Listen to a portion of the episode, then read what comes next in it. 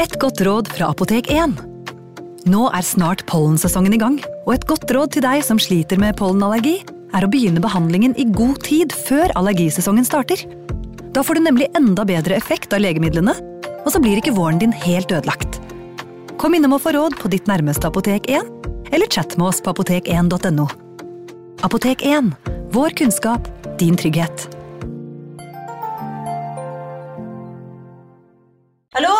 Jeg kommer fra Oslo politikammer. Ine Jansen er purk. Er du purk? The motherfucking bitch. Alt jeg vil, er å finne ut hva som skjedde med mannen min. Jon Carew. Er jeg sikta for noe? Iben Akeli. Det er du. Ole So, Lars Berrum og Big Daddy Karsten. Hvem sin side er du på, egentlig? Anette Hoff, Tone Danielsen, Kommer du fra Afrika? Jørnis Josef, Nesten kløfta. Trond Espen Seim, Det er synd å si det, men det var feil mann som døde. Purk. Premiere tirsdag på TV2 Play.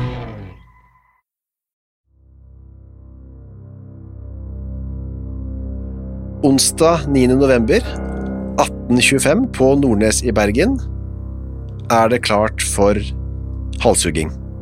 Jens Amundsen Fenstad skal miste hodet. Klokka er åtte om morgenen. Skarpretteren er klar.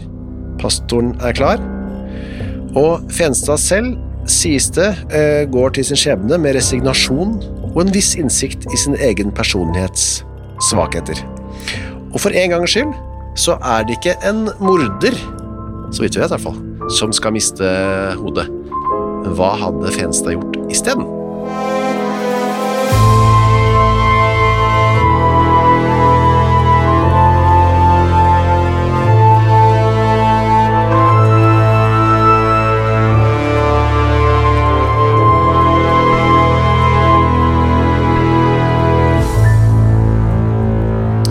Velkommen til en uh, ny episode i Henrettelsespodden. Uh, velkommen til deg, Torgrim. Takk. Og til meg selv, da, Kyrre. Uh, vi skal som sagt i dag, Torgrim, ikke befatte oss med så mye mord, men falskmynteri. Jens Fenstad, hvem var han, Torgrim? Ja, Jens Fenstad var jo en trønder her, fra, opprinnelig, da. Og har vel hele sitt liv vært det som vi kan kalle for en slaur. Uh, altså en person som uh, alltid ser ut til å velge den letteste løsningen, den letteste veien Ja. ut, og, og som har et veldig uheldig forhold til dette med ditt og mitt. Uh, og i det hele tatt en, en slags form for, eh, vi ville vel sagt psykopat eh, i dag, da, selv om det ordet kanskje er gått litt sånn ut på dato, så er det vel det han er, da. Han kommer, eh, i motsetning til mange andre vi snakker om her, eh, fra ganske gode, altså velstående kår. Faren hans var eh, storbonde i Trøndelag da. Og hun, altså moren til, til Jens, hun døde da han var fire år gammel. Hun ga mannen sin åtte barn. Så giftet han faren seg rett etterpå og fikk en ny kone som også ga ham åtte barn. Så det var jo en stor søskenflokk, men han flytta da ut etter hvert. Han gifta seg med en som het Johanne. Jens, altså. Ja, ja. Uh, og i 1801 så forlot han barndomshjemmet med sin lille familie og flyttet ut på Hitra. Der gikk det ikke så bra, Torgrim. Nei, for nå skulle han jo på en måte leve av sine egne henders arbeid. Han skulle bli bonde der på et eget bruk. Og nå hadde han jo ikke lenger denne faren som skulle fortelle ham 'gå dit, gjør datt'. Nå skulle han selv finne på ting og, og styre seg sjøl, og det gikk jo ikke bra i det hele tatt. Og for å da å spe på de inntektene som han ikke fikk, så begynte han jo å stjele fra naboene sine og fra overalt, og på en veldig enkel og grov måte. Han var jo ikke noen dyktig mestertyv, så han ble jo tatt og tatt og tatt. og det han stjal, var jo også bare vås. Det var jo gamle garn og små matvarer og eh, ting som ikke hadde noen egentlig verdi, da. Men stjal han for moro skyld òg, da? Var det det? eller? Altså, han kan nok ha vært en eller annen form for, eh, en eller annen form for kleptomani, og det beskrives jo det blant flere forbrytere i dag. at Hvorfor gjør du dette? Ja, det er denne spenningen, da. Mm. blir jeg tatt? Får jeg det til? Var det mye tyveri på den tiden? Ja, eh, det var nok det. Det var nok like mye tyveri nå, da som nå, men verdiene var jo så små. Det var jo ikke så veldig mye å stjele. Folk hadde jo ingenting. De eide jo knapt nok eh, det de sto og, og, gikk i. Eh, Men det, selv det lille de hadde, ble jo stjålet, da. Men eh, straffene for tyveri var jo hardere. Ja. De ble jo putta inn og brennemerket. Da. De fikk jo sånn et sånt merke av en galge som ble brent inn første gangen i ryggen, og så neste gang de ble tatt, så ble det brent inn på hånda, og så tredje gangen så fikk de det midt i panna. Og da var det jo egentlig merka for livet. Altså. Du fikk ikke noen som helst jobb lenger med tyvsmerke i panna. Nei, det, nei riktig. Nei, det kan man ikke vært. Det, sånn ha. det er ikke noe særlig CV å gå rundt med det. Nei, og spesielt når du har CV-en midt i fleisen, som sagt. eh, Sånn at de som fikk da tyvsmerke i pannen, de ble da som regel samtidig satt inn på straffarbeid på festningen resten av sitt liv. Slik rett. Uansett, eh, flyktet eh, den familien da, fordi han hadde blitt innviklet i en, rett, en rettssak om et mattyveri, og en, en jurysak, og en aldri bevist mordmistanke, skriver du i Ja, altså Det var han sjøl som la opp dette her også, for at ryktene gikk om at han stjal det, men så lager han en jurysakssøkesmål på det, at hvorfor skal dere beskylde meg for å stjele, men så viser det at han hadde jo faktisk stjålet, da. Altså, han, han la jo opp til det sjøl, egentlig. Altså, han kan jo ikke bare ha vært uh, ren psykopat, han må jo også ha vært mindre begava, da. Flytter til svigerforeldrene på Orkdal, eh, og begynner å, eh, nå liksom begynner han virkelig å stjele på fulltid, virker det som, da, for han stjeler han eh, overalt der, småting. Um, men det blir ikke, han blir ikke så populær da i Orkdal. Nei, altså i sånne små bygdesamfunn hvor folk var veldig fattige, og så kom det da en fyr utenfra da, som så begynner å rappe ting, det er ikke måten å gjøre seg populær i bygda på, det tror jeg, nei. Så da flytter han også fra Orkdal eh, tilbake til Stadsbygda, eh, et sted som heter Brei Rønningen der, eh, og fortsetter å stjele, men så er han veldig dum, han stjeler noen gamle garn fra sin egen far. Det var en tabbe. Det var veldig tabbe, og han eh, da anmelder jo sønnen sin, og han blir dømt til seks måneders straffarbeid på tukthuset i Trondheim. Men der, og det oppholdet, det skulle vise seg å være veldig eh, formativt for Jens, for da lærte han seg noe. Ja, der lærte han et håndverk. For første gang så lærte han noe annet enn vanlig bonde, bondearbeid, ja. Det å eh, tegne penger. Ja, for det var noe man hadde begynt med akkurat på denne tiden her, da, lage pengesedler. Alle de andre falskmynterne fra tidligere århundre, de måtte jo lage mynter. Disse sedlene var jo noe forholdsvis nytt man hadde begynt med, og, det var- en falskmynter som allerede satt der, en som heter Ivar Mæland. Han lærte da Jens eh, Fenstad å, å tegne disse pengene på, på en sånn rimelig brukbar måte. Hvordan så disse sedlene ut da?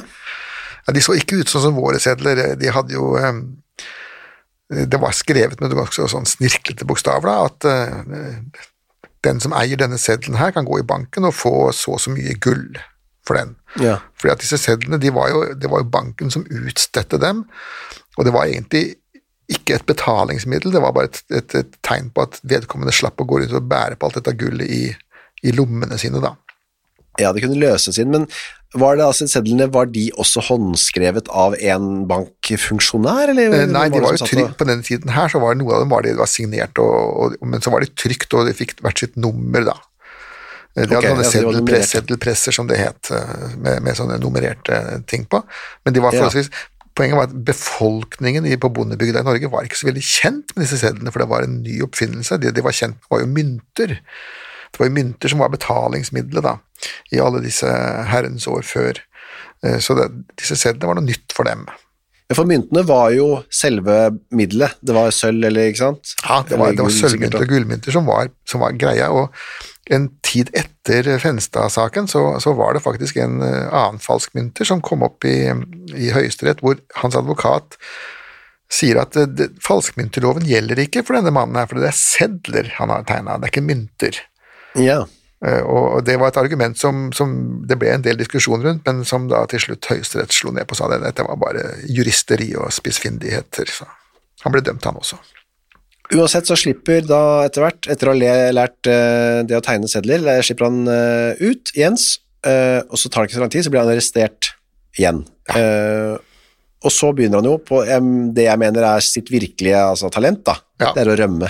Ja, han, eh, det var ikke mange fengsler som kunne holde, holde han. Og det, det var jo også på den tiden her hvor, hvor både Gjest Bårdsen og Ola Høiland eh, også føyk rundt, og, og det er jo sagt om eksempel Bårdsen da, at han, eh, han lot seg fange han hver eneste høst for det begynte å bli så kaldt. Så satt han inne om vinteren, og så rømte han på våren. Eh, Så for hans del så var det nesten planlagt, eh, og det ser ut som, som de fengslene de satt i var jo veldig slappe saker da, og masse rømninger.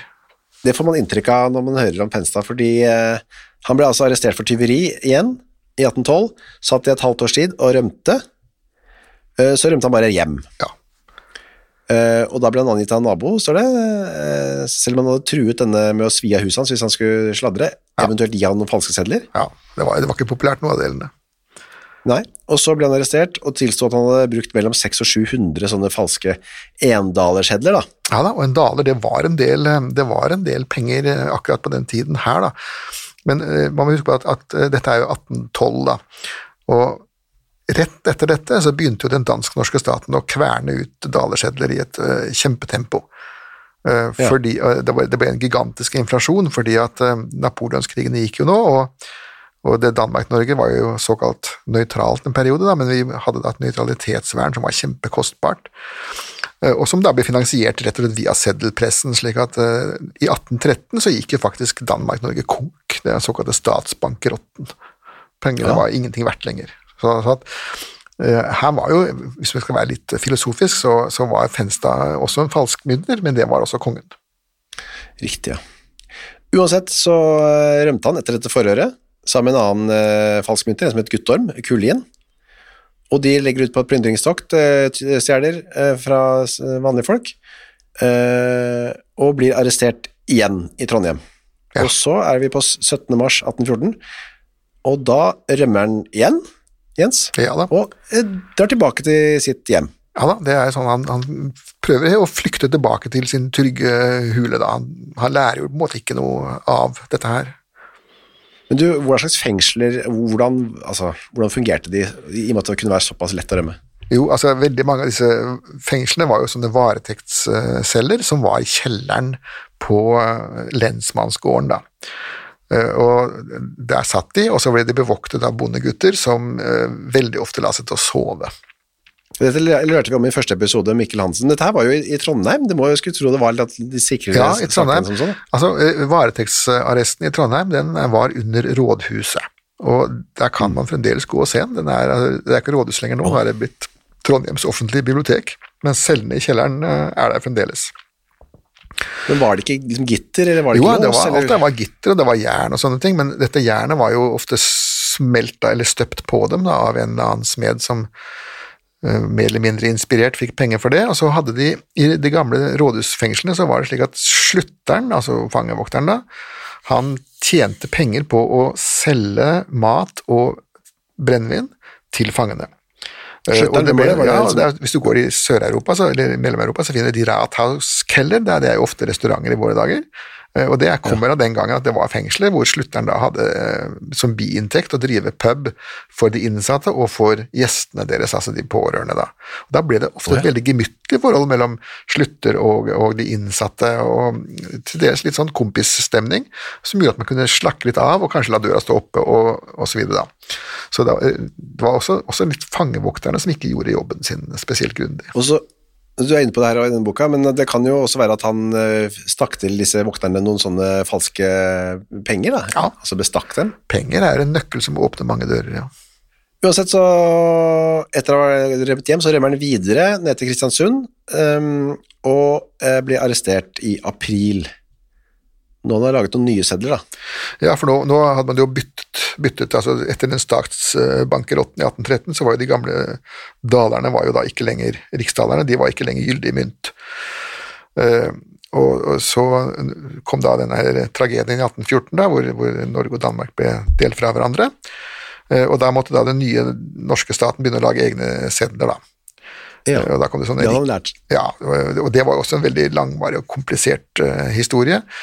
Eh, hvor, hvor den norske, nynorske staten drev jo også med utstrakt uh, falskmynteri. Eh, Blant annet så hadde man jo oppdaget at eh, i Norge så sto det fremdeles en seddelpresse som lagde danske dalere fra 1813, og den fortsatte man å kverne ut pengesedler på helt fram til 1815, altså på den danske stats bekostning. da. Oh.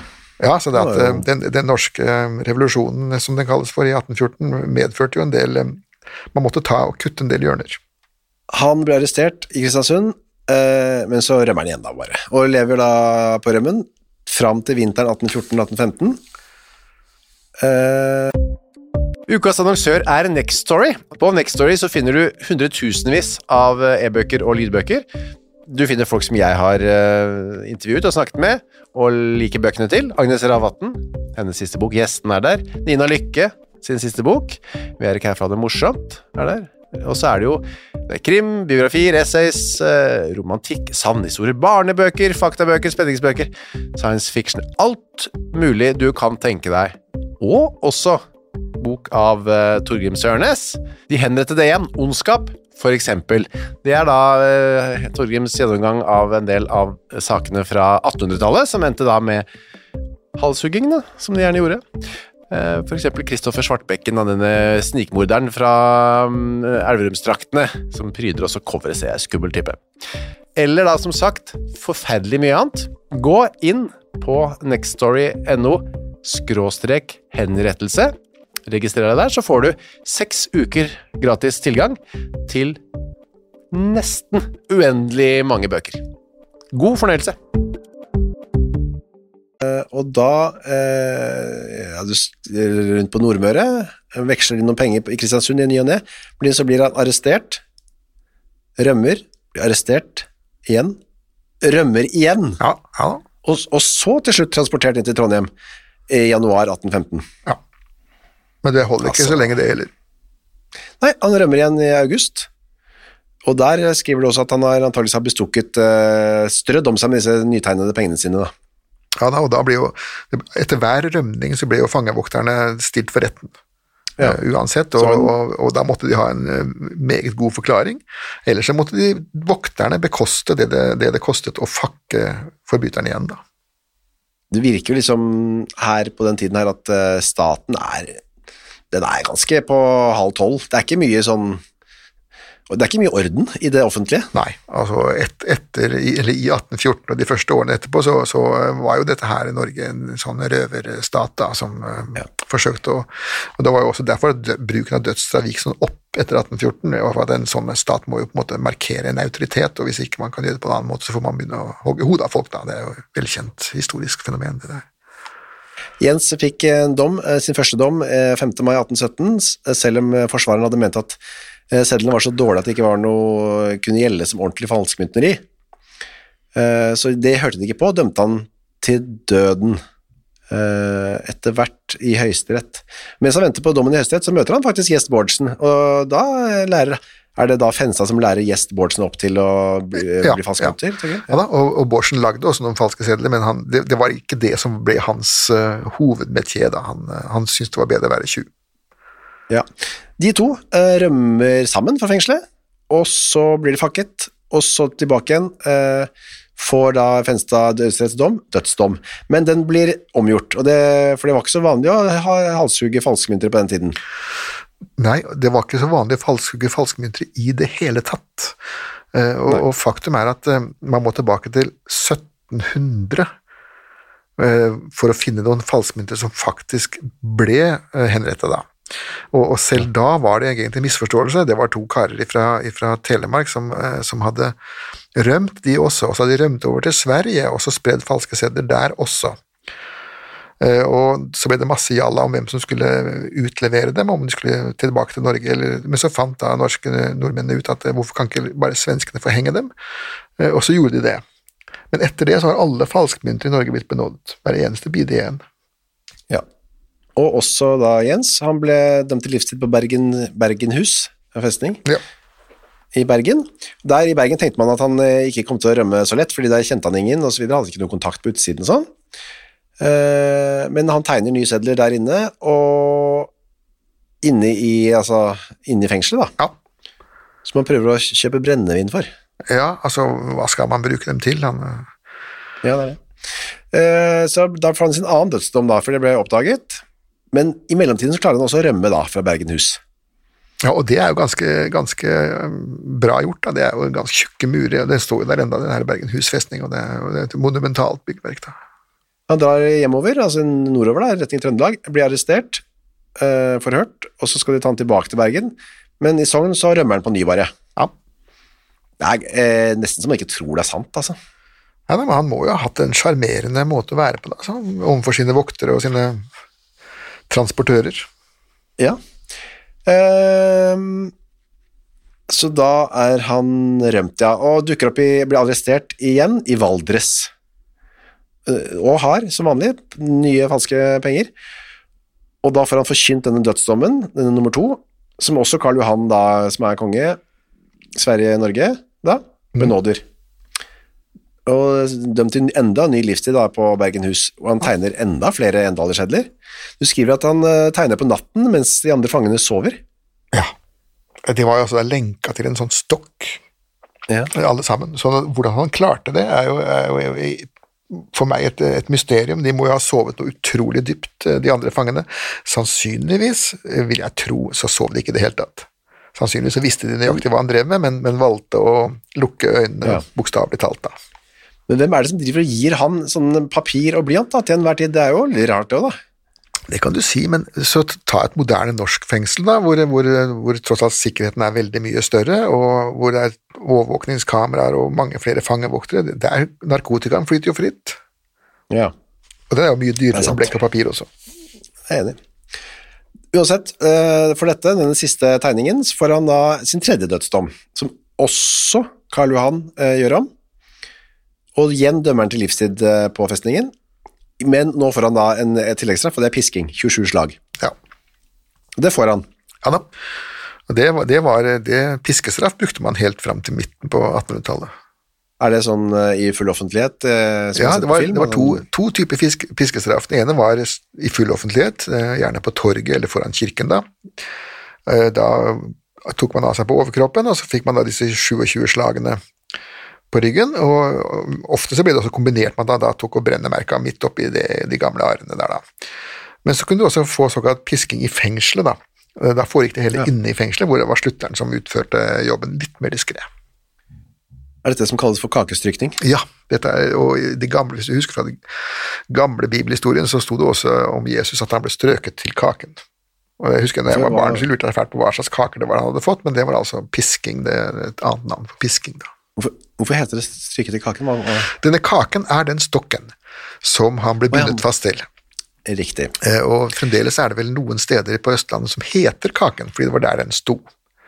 Eh, Den hadde, så litt ut som gapestokken, egentlig. bare rett og slett en pæl som sto rett opp, hvor man da bandt eh, den dømte fast med hendene, og så sto da skarpretteren og pisket løs bakfra, da. Han uh, syns ikke det var noe særlig å være på Bergenhus, uh, Jens Svenstad, så han, uh, i 1822 så rømmer han bare igjen. Ja. Uh, denne gangen så drar han ned til Sørlandet, og så over til Sverige, og der er han blitt 45 år gammel. Jeg har det ikke så bra fysisk, han har fått skjørbuk. Ja, han har jo sittet inne ganske lenge, da, og, og den fengselskosten de fikk, den, eh, den var jo veldig mangelfull. Det var jo veldig mye vann og brød. Ja. Altså når man på, på 1800-tallet ble satt på vann og brød, så ble man faktisk satt på vann og brød og kunne sitte der i to uker. Men selv når ikke de hadde brød, så var det kjøtt sånn, og graut og veldig lite grønnsaker. Og absolutt ingen sydfrukter. Så det var veldig vanlig med skjørbuk blant fanger eh, og blant eh, sjøfolk i langtransport. Ja. Eh, han prøver å verve seg til, altså til militærtjeneste, men de vil ikke ha han, og derfor vender Jens tilbake til Sunnmøre og fortsetter å tegne disse sedlene, og i slutten av 1824 så blir han da tatt igjen, og det er vel siste gangen. Ja, man kan jo spørre seg hvorfor drev Karl Johan og benådet en mann tre ganger etter hverandre. Eh, vel, eh, det hadde jo skjedd før da, at folk har blitt benådet og, eh, igjen og igjen og igjen. Men poenget var jo at Karl Johan hadde et visst motsetningsforhold til den norske regjeringen når det gjaldt valutaen. Eh, han var jo steinrik selv, personlig, og eh, var konge i Sverige. Og hadde en personlig interesse av at den såkalte norske valutaen skulle gå eh, til helvete. Ja. Sånn at han benådet om igjen og om igjen, og syntes i grunnen ikke det var så fælt at, at noen eh, prøvde å ødelegge den norske valutaen, men det er klart, på et eller annet tidspunkt så må jo også han sette foten ned. Eh, fordi at eh, det, det som utløste at Karl Johan til slutt sa nå skal hodet av, eh, var jo nettopp det at dette var en fornærmelse mot han selv. Han hadde jo gitt nåde, og den var blitt misbrukt, og så gir han nåde igjen, og den ble misbrukt, så det var en, egentlig en slags majestetsfornærmelse som lå bak her nå. Altså, hvor kong Karl Johan kunne bli personlig fornærma. Ja, og da var det nok. Ja. og han dømmer, eh, eller bare bekrefter Høyesteretts dom. Eh, Han Fenstad skal dø. Og da er vi tilbake til onsdag 9. november, og da er det Mühlhausen som har skarpretter. Klokka er åtte om morgenen, litt tidligere enn eh, vi har hørt tidligere, som var mellom ni og elleve. Ja, ja da. Og de hadde er allerede gravd, gravd graven ferdig, og bergenserne stilte nok opp, skjønner du. De, de, de var glad i sånt. Ja, så selv om det var en fange som egentlig hadde vært inne i fengsel hele tiden, så måtte selve henrettelsen den måtte foregå ute blant folk. Ja, Omtrent det stedet hvor eh, akvariet er nå, da. Ja, Ute på Nordnes. og da var det Mühlhausen. da. Hva slags type var det? Altså, Mühlhausen hadde vært uh, skarpretter i Bergen veldig lenge. Eh, Og hans eh, familie hadde vært skarprettere i alle herrens år. Så langt tilbake tiden går. og det var vel en onkel av ham, den store Gottschalk Mühlhausen, som i sin tid hadde, hadde partert Struense på torget i København. Eh, Ja. Så dette var, dette var profesjonelle folk tvers igjennom, hele familien. Men Mühlhausen selv hadde ingen sønn. Det var ingen som kunne overta til Mühlhausen. Han hadde en svigersønn, men han hadde tæring. Så det ble til slutt, etterpå, så ble det Isberg som fikk, eh, fikk overta. da. Ja, som vi hørte om i forrige Ja. episode. Jep. Milhausen sto klar med øksa. eh, Folk var stimlet sammen, kan vi regne med. Eh, Soldater var på plass. Og så var det pastor Welhaven, som skulle være liksom den kirkens mann. Ja. Er det faren til Ja, dette var faren til, til dikteren, ja. Både Welhaven og Wergelands fedre var jo Begge de var vel prester. Så det er ikke helt umulig at altså selve Welhaven var da til stede her? Eller var kanskje litt liten, han. Iallfall så kan man ha fått, i- fått Ja, altså, det kan du ikke si. at Husk på at Bjørnson var jo til, Bjørnstjerne Bjørnson var jo til stede ved en henrettelse når han var bitte liten gutt, fordi hans far var, var prest. Eh, Så Ja. det, det var ikke noe sånn at man ikke skulle ta med seg barna på dette her. Tvert imot. Barna skulle være med og se på henrettelse, for da lærte de sånn går det med deg hvis du gjør sånne ting. Og Man tenkte ikke at det for en toåring se en mann bli halshugget eh, mens pappa står ved siden, at det skulle ha noen negativ innvirkning i det hele tatt. Tvert imot. Tvert imot så tok, eh, er det beskrevet mange ganger at damer løftet de små barna sine opp slik at de skulle se bedre. Vet man noe om det? Hvordan de altså Snakket f.eks. Bjørnson om dette her seinere? Bjørnson skrev en hel novelle om det, han, eh, som heter Et stygt barndomsminne. Ja. Hvor han skriver og beskriver henrettelsen, og han beskriver også hvordan han sto der, og så, i det øyeblikket øksa falt, så snudde han seg vekk og hørte en lyd som når man deler en turnips. Det var sånn Ja. han beskrev det. Han var jo dikter, da. Uh, hvilken henrettelse var det? Det var uh, denne såkalte han Per, og dette var oppe i Møre og Romsdal. Han hadde begått et mord, men han ble iallfall dømt for å ha tatt livet av en jente som han hadde satt barn på, og kastet henne utfor ja. utfor et stup. Bjørnson selv lager en liten sånn fantasi om at det var eh, Pers mor som hadde stått bak eh, drapet, og at Per gikk i døden for sin egen mor. Men det er også noe som Bjørnson har hørt rykter om og, som barn, og fantasert litt over. Det, det var ikke sånn dommen falt, da. Uansett, eh, i, på Nordnes så ble Fenstad enkelt og greit eh, hugget hodet av av Mühlhausen. Det gikk eh, pent og pyntelig for seg. Ja, Mühlhausen visste hva han drev med. Ja. Og så var det slutt, men så var det noen problemer etterpå. De skulle kaste han eh, i graven. Ja, for den graven var jo allerede gravd. Og dette var jo Bergen i november, og eh, da regner det. Mm. Altså Den som er redd for uh, mørketida i Nord-Norge, kan bare dra til Bergen i november, så blir du immunisert. Jeg har bodd der. Det var helt fullt av vann oppe i graven? Helt fullt av vann, og Welhaven nekta dem å kaste liket oppi der. Det, det, måtte graves en ny grav. Eh, og det gjorde de da, og Welhaven sto der, han, mens de gravde. Og så fikk da Fenstad ligge tørt etterpå. etterpå. Så gikk det da rykter om at det var dette som tok livet av Welhaven, men det var det jo ikke. da, Det er også bare en sånn myte som går. Han levde jo mange år etterpå. Men at det tok livet av Fenstad, det er det ikke noen tvil om. Nei, det var Mühlhausens øks.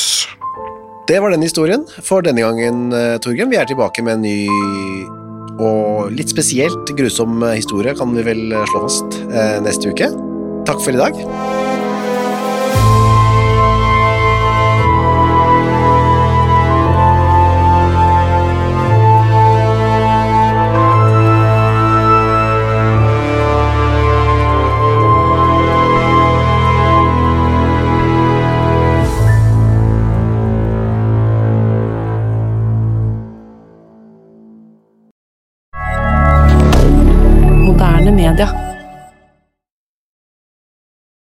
Har du et enkeltpersonforetak eller en liten bedrift? Da er du sikkert lei av å høre meg snakke om hvor enkelt det er med kvitteringer og bilag i fiken, så vi eh, gir oss her, vi. Fordi vi liker enkelt. Fiken superenkelt regnskap. Hei, takk for at du hører på Henrettelsespodden. Skulle du ønske at du kunne høre en ny episode av denne podkasten hver eneste uke? Ja, da er det bare å laste ned podkastappen Untold med en gang. I tillegg til at du får da Henrettelsespodden en gang i uka, så får du andre ukentlige podkaster som Historiepodden, True Crime-podden og Gangsterpodden, for å nevne noe. I tillegg til masse annet reklamefritt og eksklusivt innhold, blant annet noen godbiter, da, signert Torgrim og meg. Last ned Untold i AppStore eller på Google Play, og start din 30 dagers gratis prøveperiode i dag.